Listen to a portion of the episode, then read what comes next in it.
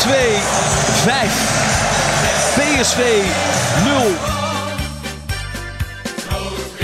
En Willem 2 gaat naar de finale. Willem II heeft na 33 van de 34 speeldagen de Champions League bereikt.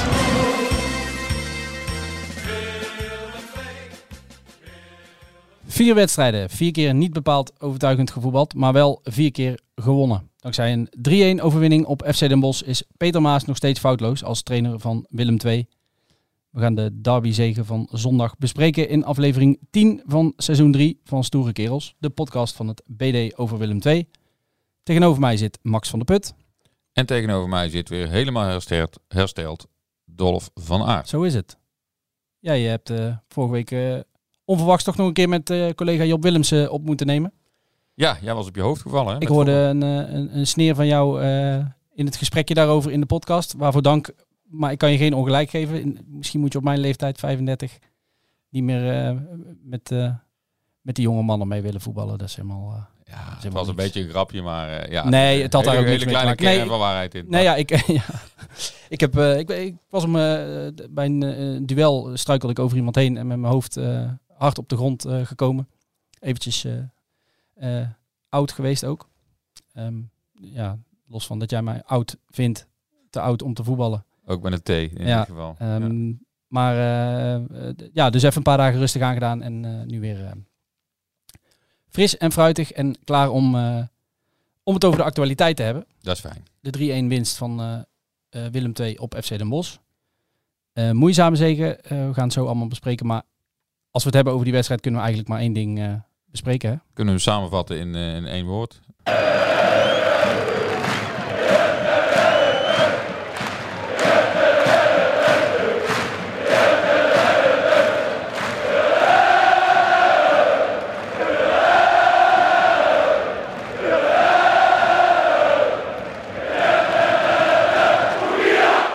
Wij eh, staan er bij Stoere Kerels eh, onbekend dat wij natuurlijk eh, als Belgasten de crème de la crème van het Tilburgse voetbal eh, hebben.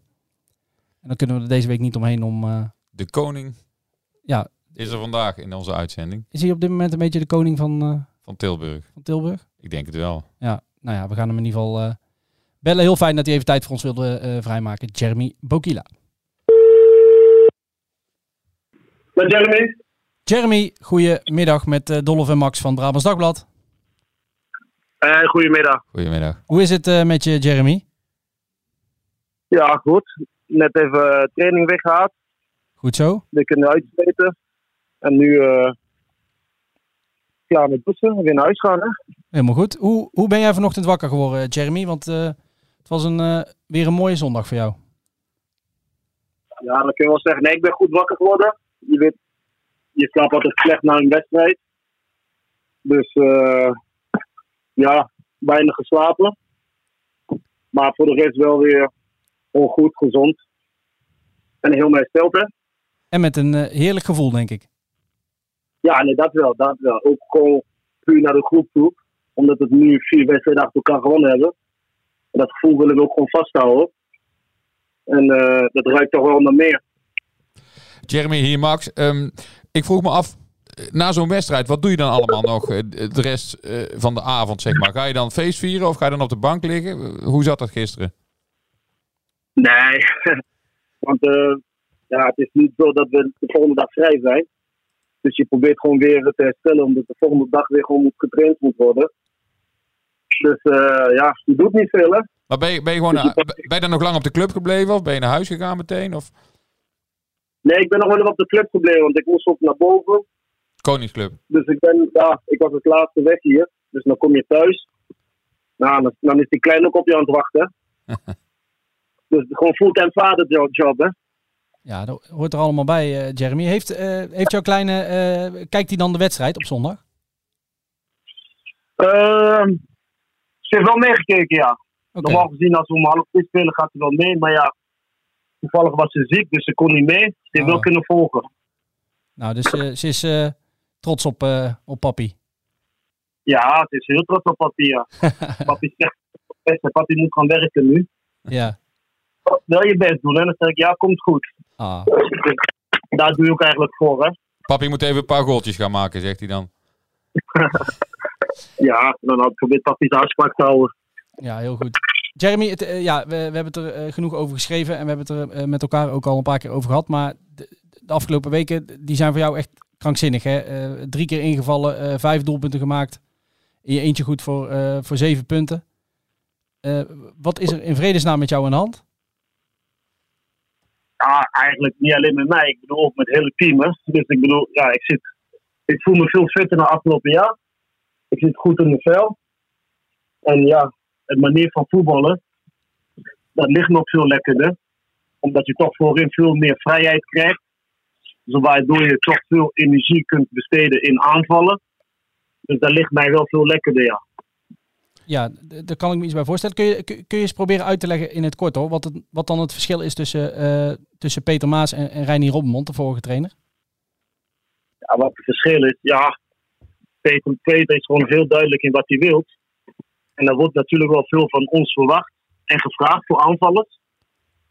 Dus, eh, en ook gewoon vrij voetballen. Ook gewoon vrij voetballen, wel vanuit de organisatie. Dus dat is niet alleen maar zomaar blind naar voren lopen. Maar dat bij, bij, eh, bij Robbermond ook niet eigenlijk. Maar in aanval ben je wel meer vrijheid. Dus je hoeft niet helemaal weer terug om te gaan verdedigen. Waardoor je, als je de bal veroverd hebt, dat je nog weer wat 70, 80 meter moet overbruggen om een goal te maken. En hij houdt ook gewoon van dat je ja, bij, bij bijvoorbeeld één gooi, als de tegenstander de bal is, dat je daar gewoon vastzet. Ja, Dus dat zijn allemaal kleine dingetjes dat ja, ons als het team wel lekker ligt. Gewoon een ploeg naar één kant duwen en daar vast proberen te zetten. En niet proberen te laten ontsnappen. En dat, was, dat is het wel verschil met, met deze trainer en de afgelopen jaar en oude trainer. Dat is wel het verschil, vind ik dan. Ja, en, en ehm, wat, wat hij van jou vraagt, eh, kun jij dat ook 90 minuten? Of is het ideaal voor jou om dat een, een half uurtje of drie kwartier te doen?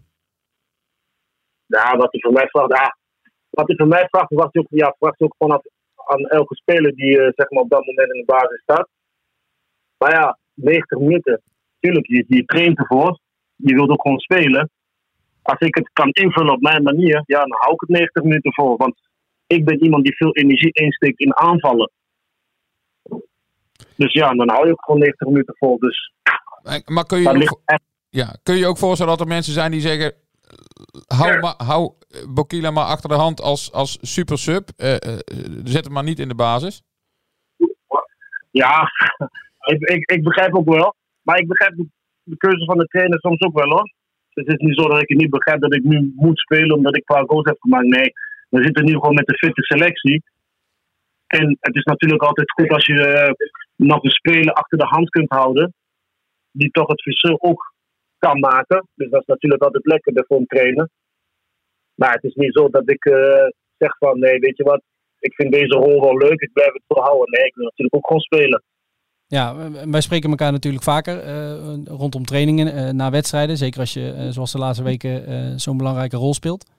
Jij bent wel iemand volgens mij die daar heel oprecht in is. In de zin van, voetballers zullen altijd zeggen van, de keuze is aan de trainer en ik wil het liefst alles spelen.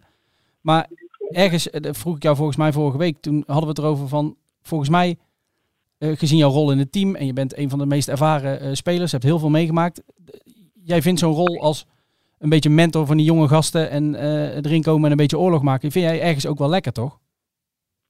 Ja, maar kijk, ja, lekker, dat wel. Want op zich, ja, als een team heb je maar één doel. Dus als je op dit moment niet speelt, wat kun je eraan doen? Je kan natuurlijk wel boos en eh, teleurgesteld rondlopen, maar dat zit niet in mij. Die jongens die spelen op mijn positie. Dus dan probeer ik ze gewoon te steunen. Want ik zeg altijd, het seizoen is lang. Dus je, je blijft gewoon hard werken, je blijft gewoon hard trainen. Je kansen zullen wel komen. Dus elke minuut dat je krijgt, probeer je gewoon goed te benutten. Dus Ja. daardoor maak je de trainers ook altijd moeilijk. Maar ja, zoals ik zei, we zitten met een fitte selectie. De keuzes die trainers maken, ja, als een speler, je kan er niet, ja, je moet je erbij neerleggen. Ik kan moeilijk niet de trainer zeggen, ja, trainer, ik wil spelen. Dat gaat niet. Zo werkt het niet. Nou ja, met, eh, met die cijfers die je de laatste week hebt overlegd, eh, heb je wel in ieder geval een, een aardig argument om, om eens aan te kloppen bij, bij Peter Maas. Ja, oké, dat wel. Maar stel voor, oké, dan wil ik zo gaan spelen, dan speel je. En dan scoor je die wedstrijd niet. Dan geef je ook gewoon weer de trainer dan de kans om te zeggen, zie je. Dus ik, ik hou er niet van om mensen reden te geven waar, waar het eigenlijk onnodig is.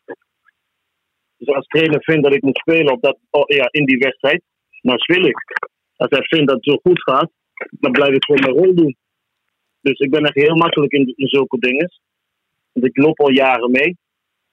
En ik weet ook wel, ja, dingen, dingen gebeuren op goede momenten. Dus je kan niet dingen gaan forceren. Omdat je nu even lekker in vel zit, dan kun je moeilijk dingen gaan forceren. Zo werkt het niet. Over forceren. ja. Ja, over forceren gesproken, eh, Jeremy. Eh, komende zaterdag, eh, de nummer 1 tegen de nummer 2, Rode JC Willem 2. Wordt daar al over gesproken binnen de selectie? Ja, tuurlijk. Je bent alweer bezig met de volgende wedstrijd. Want uh, wat er ook gebeurt, we gaan naar Roda. En daar willen we ook gewoon drie punten halen. Dus het is nu, het is nu goed dat we nu lekker in onze vel zitten. En die, die, uh, die gevoel willen we ook gewoon vasthouden. Dus we gaan natuurlijk niet met het idee van, ja, weet je wat, de puntjes genoeg. Nee, we gaan die wedstrijd, met het idee van die wedstrijd willen we ook gewoon winnen.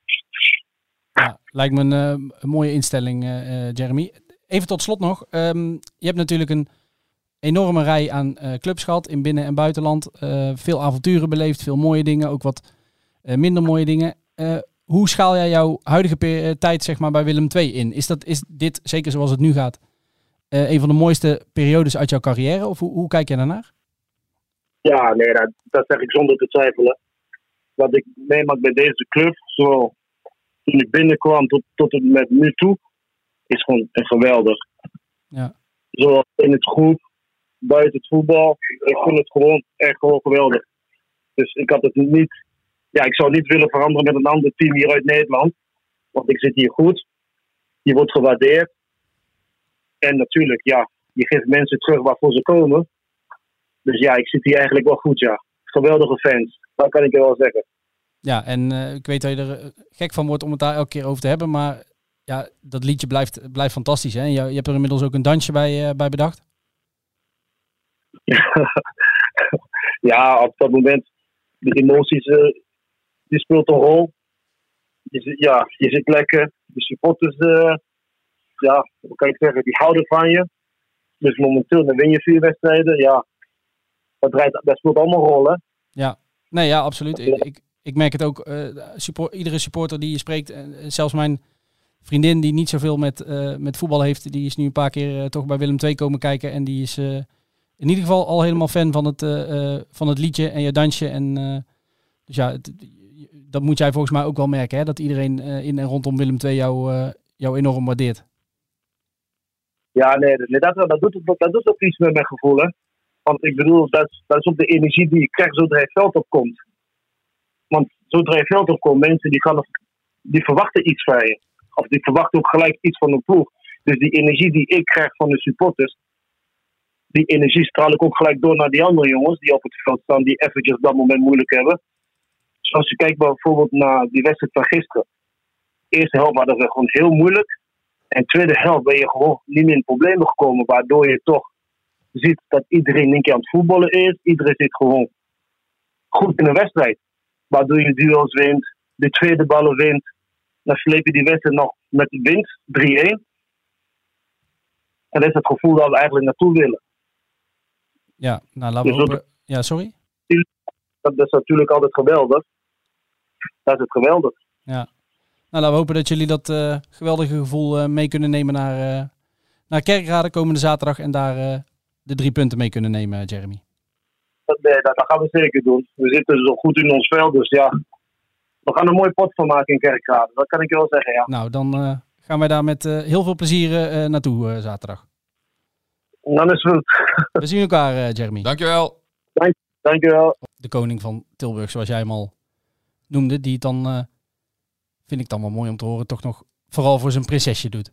Ja, hartstikke mooi hè. Papi in, uh, in allerlei vormen.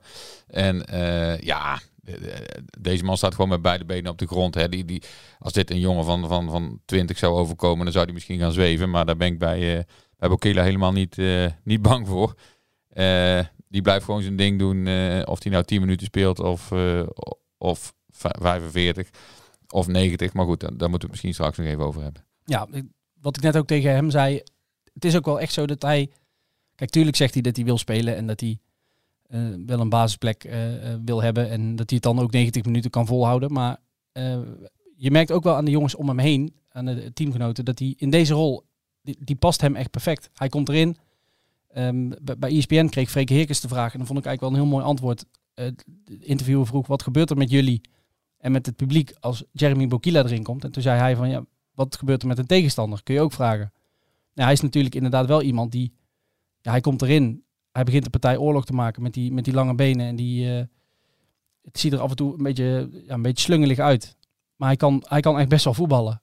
En hij, ja, hij maakt daar een partij, eh, partij oorlog. Nou tegen de Graafschap was natuurlijk helemaal gek huis met uh, twee goals in uh, een minuut of twee, geloof ik.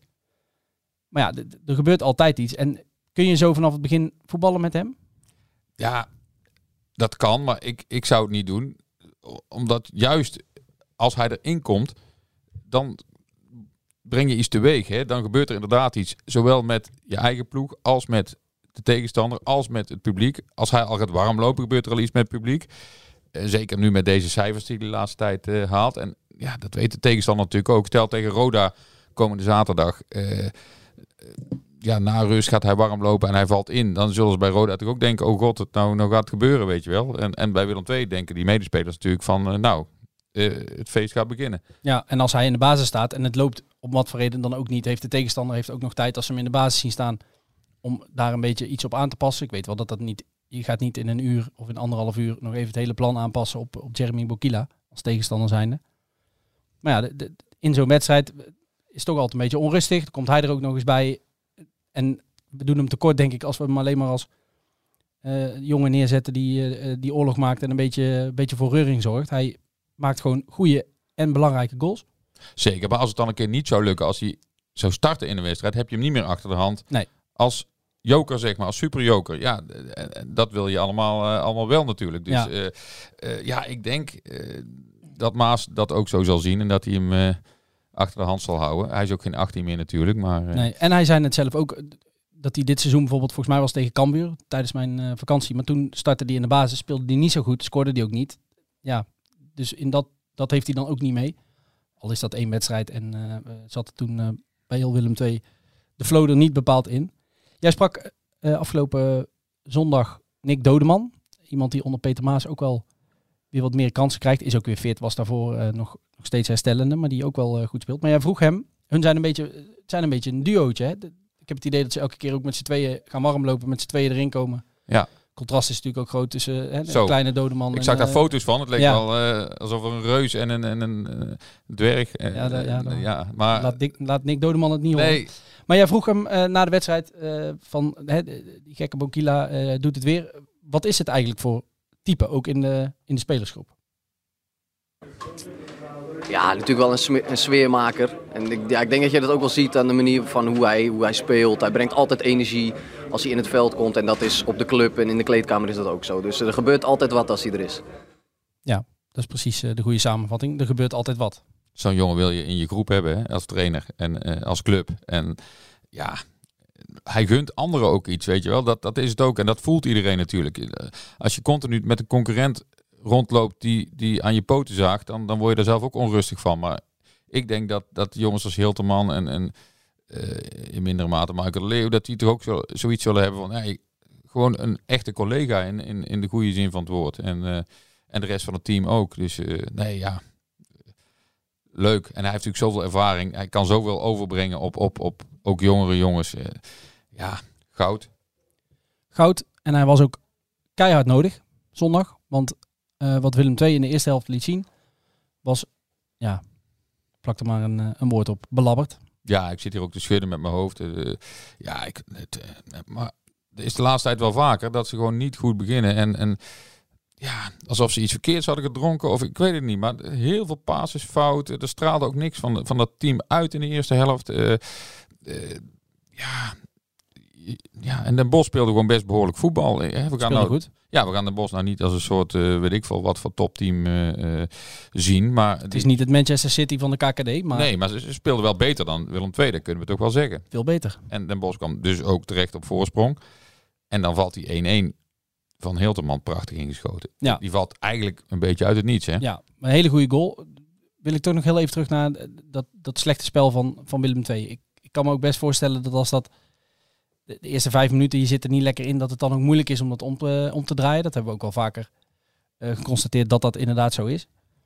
Ehm, en ik weet, ik, ik sprak daar na afloop over met, met Jerry de Hilteman. Toen zei ik, ik maakte een opmerking van, hoe kan het dat jullie niet scherp eh, beginnen? Toen zei hij, ja, vind ik altijd zo'n loze kreet.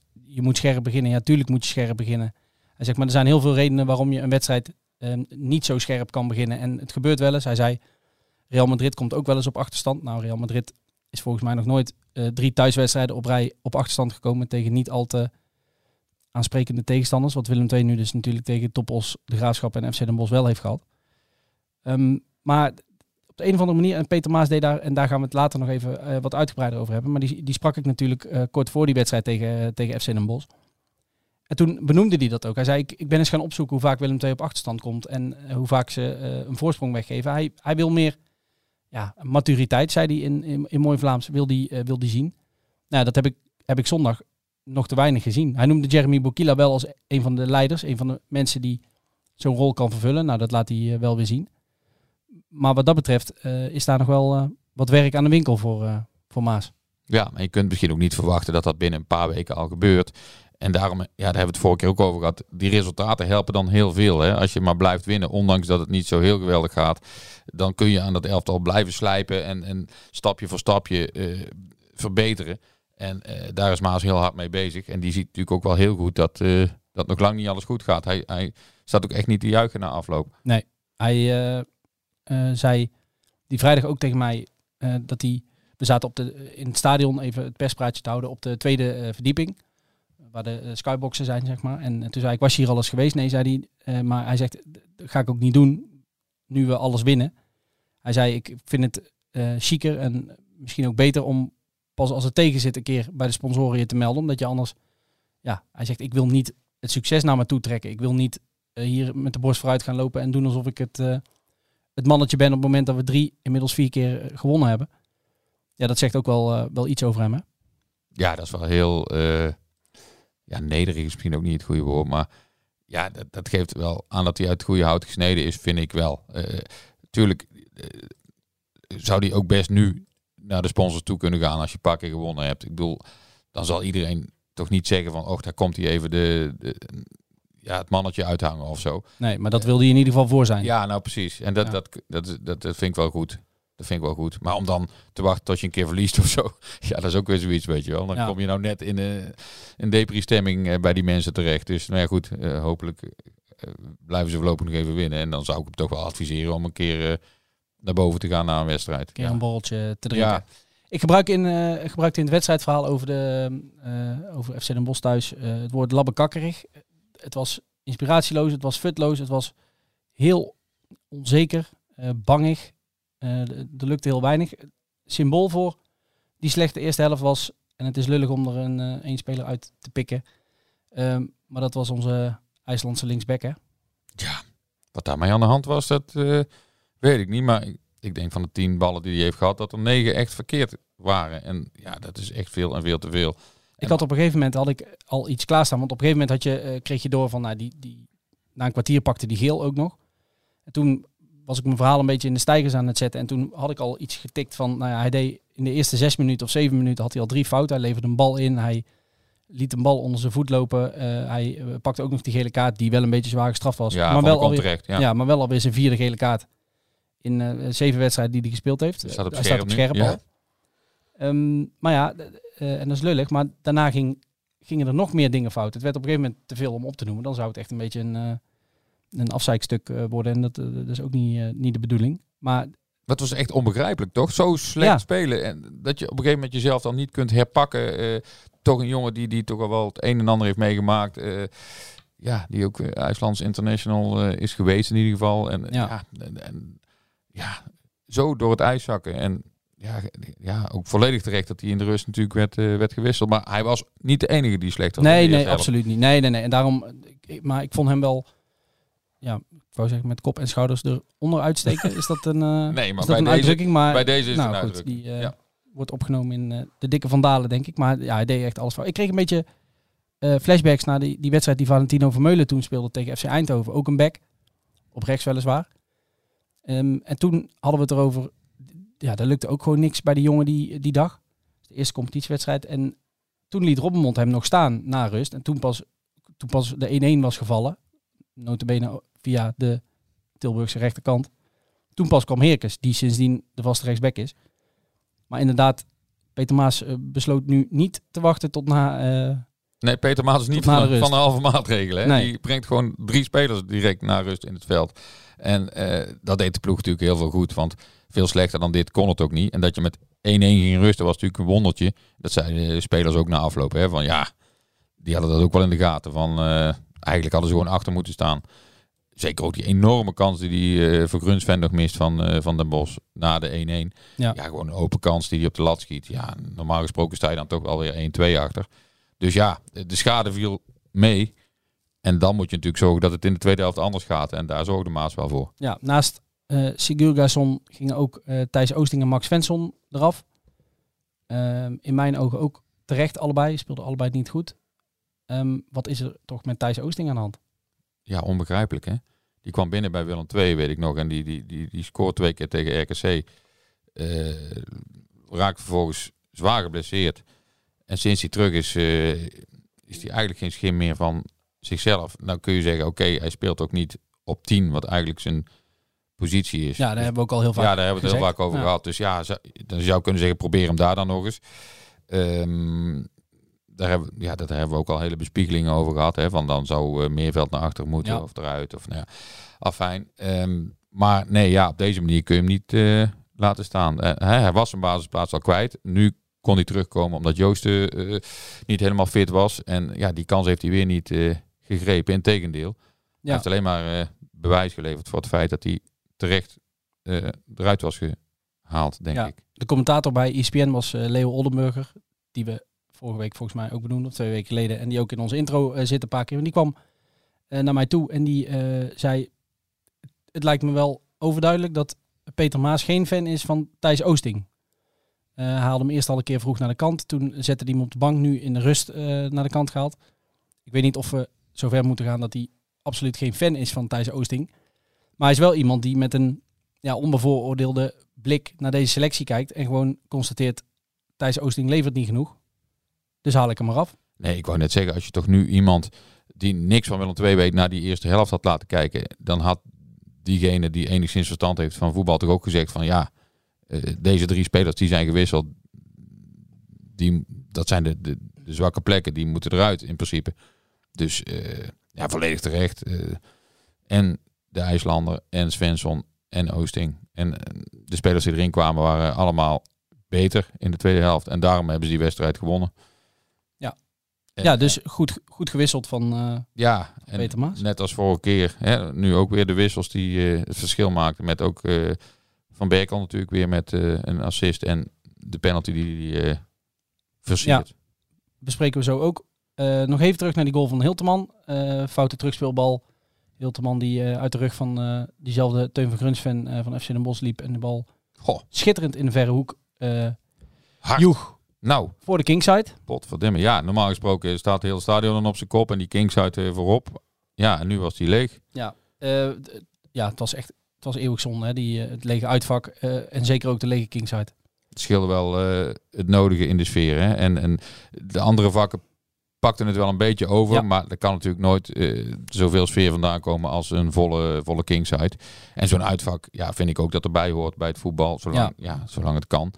En eh, ja, dit eh, is hopelijk eenmalig geweest dit seizoen. Ja, En, laten we het inderdaad hopen. poeh, laat iedereen zich een beetje gedragen met bekertjes en, en vuurwerk. Want dit willen we niet meer. Zo'n Nee. thuiswedstrijd moet een feestje zijn. En dit was toch wel een beetje een smetje daarop, vond ik. Nogal. Ja, we hadden het er net al eh, over. Eh, Peter Maas, die op ons in ieder geval een hele realistische indruk maakt vooralsnog. Eh ja, voorbeschouwing op wedstrijden, eh, terugblikken op wedstrijden, interviews door de week. Ja, de, laat aan duidelijkheid niet veel te wensen over. Jij sprak hem ook weer na de wedstrijd tegen FC Den Bosch. En toen zei hij volgens mij iets heel interessants. En daar gaan we het dadelijk even over hebben. Jij vroeg hem, nou god, het, het spel was niet goed. Ehm, ben je tevreden? En toen praatte hij uiteindelijk naar een eh, eh, ja, soort verklaring toe waarom het eh, niet zo goed was geweest. En daar gaan we naar luisteren. Ja, tevreden in die mate dat het resultaat goed is. En het spel? Ja, dat kan altijd beter. Dus eh, ja, wat zeggen we dan? Eh, van het moment eh, dat je niet goed speelt en je kan winnen. Ja, wa- wat gaat het dan in de toekomst als we eens goed beginnen te spelen? Ja, dan, eh, dan, en dan gaat het hek eraf. Maar nogmaals, er zijn wel wat redenen waarom dat we vandaag eh, een mindere wedstrijd hadden. Dus eh, ik zag duidelijk algemeen eh, dat er minder frisheid was. Eh, eh, we hebben de eh, trainingsintensiteit sinds ik hier ben ook met 30% omhoog gegooid. Dus eh, ergens kom je jezelf dan wel eens tegen. Hè? En eh, vandaag was er dan zo'n dag. En als je die dan toch kan winnen, dan, eh, dan koop je natuurlijk eh, eh, tijd naar de toekomst toe, eh, naar kwaliteit. In dit fragment zitten volgens mij, eh, en later in de week hebben we ook een eh, stuk, want het is bijna precies een maand geleden dat eh, Peter Maas eh, begon alweer. Tijd gaat snel. Maar in dit fragment zitten volgens mij een paar elementen, een paar conclusies die je al wel kan trekken na de eerste weken Peter Maas. De eerste, en hij benoemt heel specifiek, en hij heeft het bij meerdere interviews heeft hij het zo gezegd. Dus het zal wel echt kloppen. De trainingsintensiteit is met 30%, geen 25, geen 35, 30% omhoog. Ik moet zeggen dat wij allebei eh, hebben nagelaten om eventjes te vragen eh, waarom dat precies in zit, hoe die precies tot die 30% komt. Maar daar gaan we zeker nog op, eh, op terugkomen. Maar dat is wel een eerste, ja, eerste conclusie die je van alle kanten hoort hè, over, over Peter Maas. Ja, dat is natuurlijk toch wel opzienbarend. Hè? Want zowel Robbenmond als Hofland waren toch ook al mannen van de cijfertjes. En eh, er werd ook heel veel gemeten met eh, van die apparaatjes die die spelers op hun lijf dragen tijdens trainingen en soms ook wel tijdens wedstrijden. Eh, en dan zou je zeggen, dan hebben ze alles toch wel onder controle als het om fitheid gaat. Maar Maas komt binnen en die gooit er gewoon midden in het seizoen eh, 30% bovenop Ja.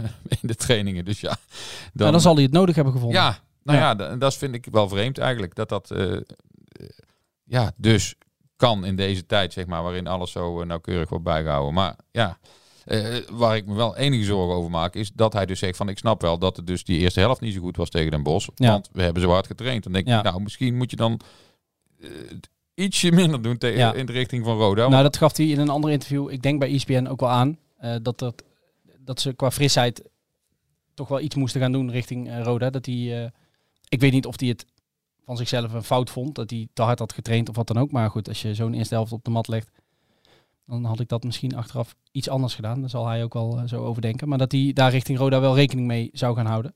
Nee, hij zegt ook van, hè, eigenlijk koop je tijd door die goede resultaten. Dat, dat is natuurlijk ook zo, hè? En dat is eigenlijk het tweede punt waar ik naartoe wilde. En dit hebben we niet ingestudeerd, maar wij zijn inmiddels zo op elkaar ingespeeld dat we precies eh, van elkaar weten waar we naartoe willen. Hij is eh, realistisch. Dat merkten wij al voordat hij, eh, zeg maar voor zijn eerste wedstrijd, dat hij zei, nou, drie wedstrijden eh, goed doorkomen. Daarna ga ik rustig eh, slijpen en, en kijken hoe ik dit elftal naar mijn hand kan zetten. Na die wedstrijd tegen Jong AZ, 0-2 overwinning, had hij het over van, nou, we hebben nederig gewonnen. We moeten hier niet het balbezit gaan, gaan claimen en denken dat we geweldig mee kunnen voetballen. Want voetballend verliezen wij het op dit moment gewoon van Jong AZ. Nou, ook heel duidelijk. Hij is in dat opzicht is hij ja, kraakhelder. ja, bij andere trainers hoor je soms wel eens iets na afloop en dan denk je, heb ik een andere wedstrijd gezien? Eh, Bij Maas is dat nog niet gebeurd. Die, Nee. Ook de slechte dingen benoemt hij gewoon. En dat is misschien ook wel makkelijker als je zo van buiten erin stapt. En dan als je er al langer zit, zeg maar. En, en die jongens allemaal heel goed kent. En de staf en de club. En ja, hij benoemt het gewoon zonder heel erg eh, er diep op in te gaan natuurlijk. En soms eh, zonder spelers echt individueel heel erg eh, af te vallen. Ja. Maar eh, je krijgt wel duidelijk te horen dat er ook een heleboel niet goed gaat nog. Ja, zo ook eh, de vrijdag voor FC Den Bosch thuis. Eh, d- d- hangt een beetje samen met het vorige punt wat ik noemde. Hij is realistisch, maar hij is inderdaad ook enorm duidelijk en hij kan ook hard zijn. Ehm, want je hebt het stuk inderdaad ook gelezen waarin hij zei van ik, eh, ik wil de strijd aangaan met deze groep. Ik, ik kwam daar vrijdag bij dat perspraatje en normaal gesproken stel je een trainer een paar vragen en gaat hij, ja, verloopt het gesprek dan op een bepaalde eh, manier en ik stel vragen en hij antwoordt daarop. Maar hij begon nu eh, uit zichzelf eigenlijk al te vertellen. En het was heel duidelijk. Hij is natuurlijk ervaren genoeg. Hij weet precies wat hij doet op zo'n moment. Maar het was heel duidelijk dat hij eventjes de boel wilde opschudden. Dat hij even een knuppel in het eh, Tilburgse hoenderhok eh, wilde gooien. Want hij begon meteen eigenlijk uit zichzelf dus te vertellen van... Nou ja, ik, ik zie te weinig leiderschap in deze ploeg. Ik zie te weinig maturiteit. Ik noemde het net al.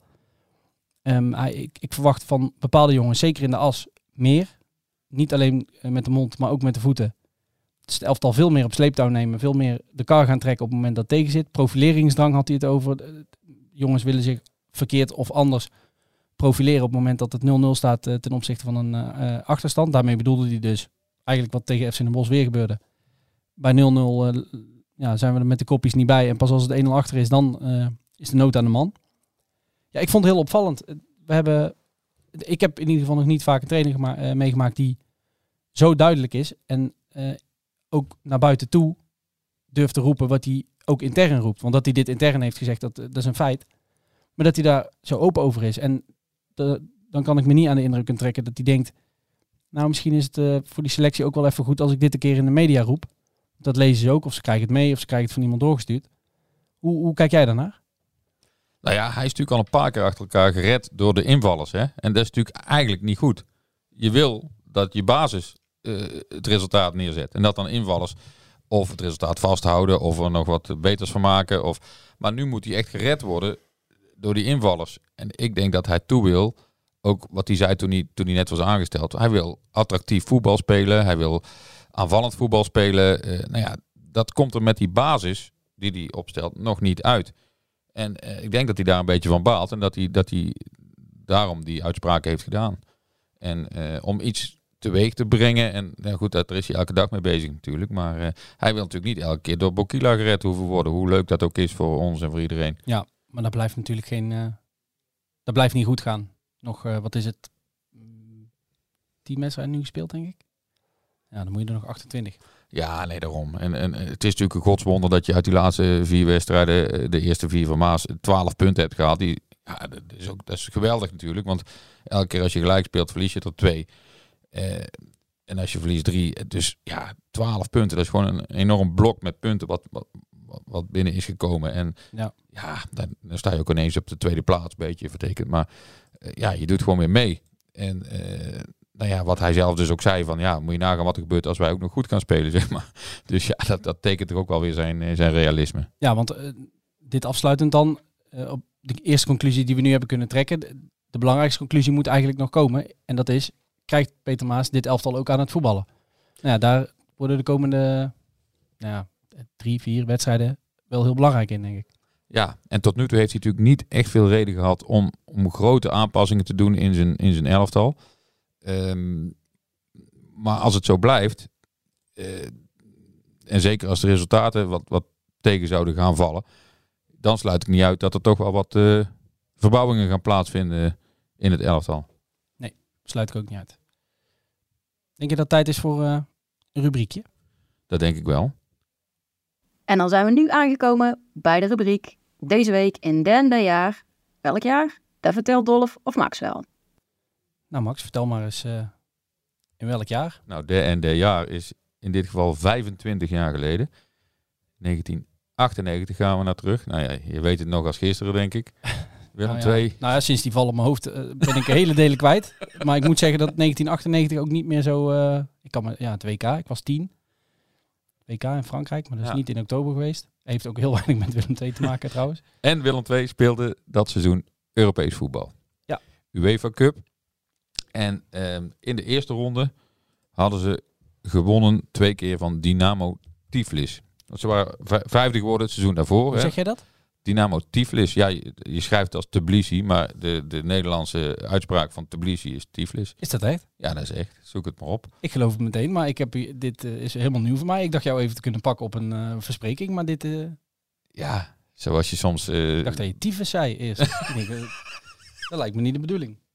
Mij ook niet. Oké, In ja, ieder vertel. geval, ze hadden niet geen geweldige elftal. Tiflis of Tbilisi, hoe dan ook. Eh, Willem II won er twee keer met 3-0 van. En eh, toen wachtte eh Betis Sevilla. Dat mag je eigenlijk niet zeggen. Real Betis. Ja, oké, vooruit. Maar ze komen uit Sevilla dan. Eh, Zeker waar. En dat is eh, deze week precies 25 jaar geleden. En, eh, Oké. Dus ja, wat kan ik daar nog meer over vertellen? Ja, dat de eerste wedstrijd in Tilburg was. Dus dat, dat is 25 jaar geleden. En die eindigde, leek in 0-0 te gaan eindigen. Ja. Maar in de 85ste minuut kwam Real Betis op voorsprong door een doelpunt van, ja, ik weet niet of ik het goed uitspreek, Trujillo. Trujillo. Ja, ja. 0-1. Nee, En- ik heb geen. En dus iedereen dacht dan, nou, we gaan in mineur naar huis. De 14.500 toeschouwers. Ehm, maar toen was daar natuurlijk Mariano Bombarda. Die in de 86e minuut er toch nog 1-1 van maakte. En eh, toch een redelijke uitslag. Eh, ik was even aan het zoeken van eh, wat waren dan de andere wedstrijden in die pool. Maar toen was het nog niet. Hè, met was een knock-out fase Ja. meteen, ja. Ja, dat was, het hele toernooi was eh knock-out. Dus ja, toen moesten ze naar, naar Spanje toe een paar weken later. En daar ging het helaas mis. Toen verloren ze met eh, 3-0. Ja. En dat elftal bij Willem II speelde jongens als Hipia, Galasek, Cizé, Ramzi, Abdallaoui. Ja, Ik heb het hier... eh, ja, ik heb hem nu voor me inderdaad, ja. Ja. Huub Loeven. Ja. Galasek. Mark Schenning, Ja. eh, nou, Jimmy van Versum op die doel. hebben ze allemaal genoemd. Ja, bijna allemaal. Maar eh, ja, voor de wat oudere luisteraars denk ik een feest der herkenning. En, en voor de jongeren, nou ja, die steken hier misschien ook nog iets van op. ja, Eh, 25 jaar geleden. Jezus. ja, dus, Blijft de tijd, hè? Ja, dus, maar ze lagen er dus uit. 1-1 thuis, 3-0 uit verloren. Met een doelpunt voor Real Betis. De 1-0 toen van Finidi George. Die later bij Ajax nog furoren ging maken. Daarvoor, denk ik. Die heeft in 95 bij Ajax Ja, voor- dat was daarvoor inderdaad. Ja, helemaal gelijk. Oké. Nou, Bedankt voor toch deze... een leuk feitje denk ik. Ja, Absoluut. Absoluut. Bedankt voor deze geschiedenisles. ja Tijd voor de toekomst weer. de Komende zaterdag. Ja, Ja. precies. Eh, een topper, hè? De nummer 1 tegen de nummer 2.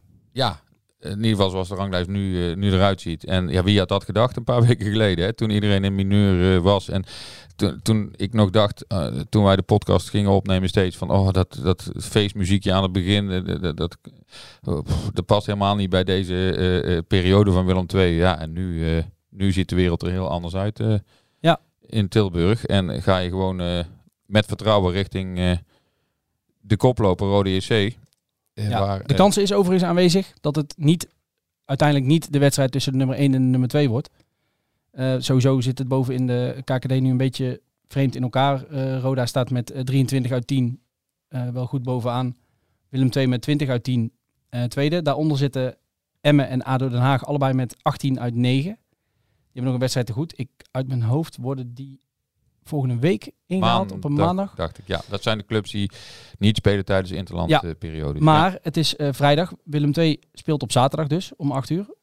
En terwijl ik het zeg, begin ik te denken, waarom is dat ook alweer? Ik heb eigenlijk geen idee. ik ook niet. Want Alles alle andere vrijdag- wedstrijden zijn op vrijdag. En deze op, eh, misschien dat de een wist? Nee. dat dit een hele eh, een topper zou worden. Ik ja, weet het niet. geen idee. Maar op vrijdagavond is in ieder geval Emmen tegen ADO, de nummer 3 tegen de nummer 4. Dus als een van die twee wint, dan wippen ze over, ehm, eh, over Willem II heen. En FC Eindhoven, als die winnen en die spelen, ik spreek even heel snel, tegen eh, Helmond Sport, dan eh, komen die ook op gelijke hoogte dan wel eh, over Willem II heen, afhankelijk hoe dik ze winnen. Maar in ieder geval een, een, een, een topwedstrijd.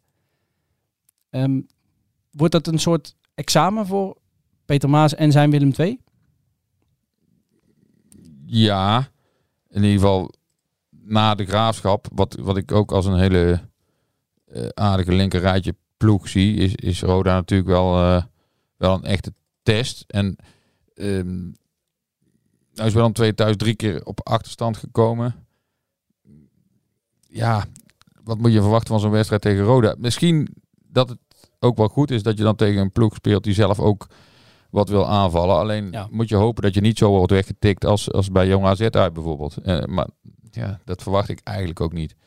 Ik, ik heb heel weinig van, van Rode JC gezien, zeg ik er meteen eh, bij. Die ga ik eh, eh, vrijdag, wou ik zeggen, zaterdag voor het, eerst, voor het eerst zien. We kennen in ieder geval wel één speler. En dat is iemand die we ongetwijfeld deze week ook nog ergens in de krant en online aan het woord gaan laten als hij daar zelf voor open staat. Wesley Spierings. Afgelopen zon, zondag, afgelopen zomer moest hij weg bij Willem II. Wij waren echt heel benieuwd naar wat voor club die zou gaan stond er een beetje van te kijken dat hij bij Rode JC eh terecht kwam. Waar natuurlijk Jordan Peters de algemeen directeur is. Ik zeg niet dat hij hem gehaald heeft, maar die kent hem in ieder geval. Eh, en Nick Vossenbelt speelt daar ook nog, oud Willem II. Maar ehm, Wesley Spiering speelt daar vrijwel alles. Alles in de basis. Twee keer maar gewisseld volgens mij. Ja, en dan bij de koploper, dat is natuurlijk hartstikke mooi. Dan zou je zeggen, waarom heeft Willem II hem in godsnaam weggedaan? Dat hadden ze niet moeten doen. Aan de andere kant, als je nu kijkt, eh, zou hij dan heel veel gespeeld hebben tot nu toe bij Willem II? Wat denk jij? Ja. Ja. Heel sec naar de feiten kijkend. Als jij tien wedstrijden basisspeler bent bij de koploper, dan zou je ook, nou ja, laten we zeggen, zes, zeven wedstrijden basisspeler kunnen zijn bij Willem II. Maar dan moet het dus... Zo niet allemaal. Ja, dan moet er iemand uit. Ja. Ja. en in principe Nou ja, was dat als, dus... als Wesley Spierings was gebleven, was misschien Verret of Bos. Nou ja, goed. Eh dus allemaal als als. Ja. Ja, nogmaals, ik kan, ik kan daar heel weinig eh, over zeggen, omdat ik Wesley Spierings niet echt heb, eh, heb zien voetballen. Maar ehm, wat ik begrijp, doet hij, het, doet hij het heel erg goed. Zijn ze daar heel erg tevreden met hem? Dat gaan we ongetwijfeld deze week dan eh, horen en zaterdag zien. Maar ja, ik, ik, ik blijf het sowieso zonde vinden dat hij, dat hij is vertrokken. Ik zou denken, kijk, vorig jaar heeft hij amper gespeeld. Dus je voelde gewoon wel dat het zijn tijd erop zat.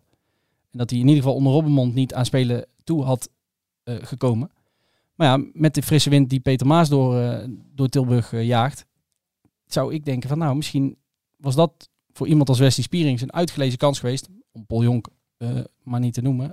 Maar voor dat soort spelers, die hadden dus dan een, een nieuwe kans kunnen krijgen en die eventueel kunnen grijpen. Dus Ik denk dat Wesley daar ook wel op had willen wachten. Want zelf vond hij het echt heel jammer dat hij wegging bij, bij zijn club. absoluut. Willem II, waarin hij eh, hè, de, de jeugdopleiding heeft doorlopen. En hij woont in de buurt en dat soort dingen allemaal. Ja. Eh, alleen ja, Willem II eh, wilde daar zelf niet op wachten en hij mocht eh, vertrekken. Nou, we gaan hem, eh, we gaan hem zien deze week. Ik ben heel benieuwd. Zoals ik ook heel benieuwd ben naar eh, wie er allemaal gaat spelen. Zaterdag tegen Rode SC of Peter Maas inderdaad eh her en der wat meer eh, gaat omgooien. Tommy Santiago zitten we eigenlijk een beetje op te wachten. Gaat hij spelen? Waar gaat hij dan spelen? Rechts of, eh, of centraal? Gaat hij inderdaad een keer met Oosting op het middenveld? Gaat Verretten dan uit eh, Bos naar een andere positie? Hoewel, die noemen we ook vaker. Maar ik wil Jesse Bos toch nog even een pluim geven. Want die vind ik eh, nog steeds Die gaat goed. elke week goed spelen. Ja, wat doet hij met Meerveld? Ja, hè? Dodeman gaat die een keer in de basis komen. Joosten is die weer fit. Nou goed, genoeg om deze week over te mijmeren en te speculeren. Nou, speculeren hebben we nu gedaan. Verder eh, nog iets? Het lijkt me dat wij eh, en het verleden en de toekomst eh, voorlopig even voldoende hebben besproken. We zijn er helemaal, helemaal doorheen. Was hem dan dus voor deze week. Vragen, opmerkingen, suggesties, die mogen zoals altijd naar stoerekerels.bd.nl. En dan hopen wij dat we jullie nou, volgende week allemaal weer zullen spreken. Niet helemaal, want wij praten vooral tegen elkaar en tegen jullie. We horen niet eh, wat jullie terug zeggen, maar eh, eh, tot volgende week in ieder geval. Tot dan.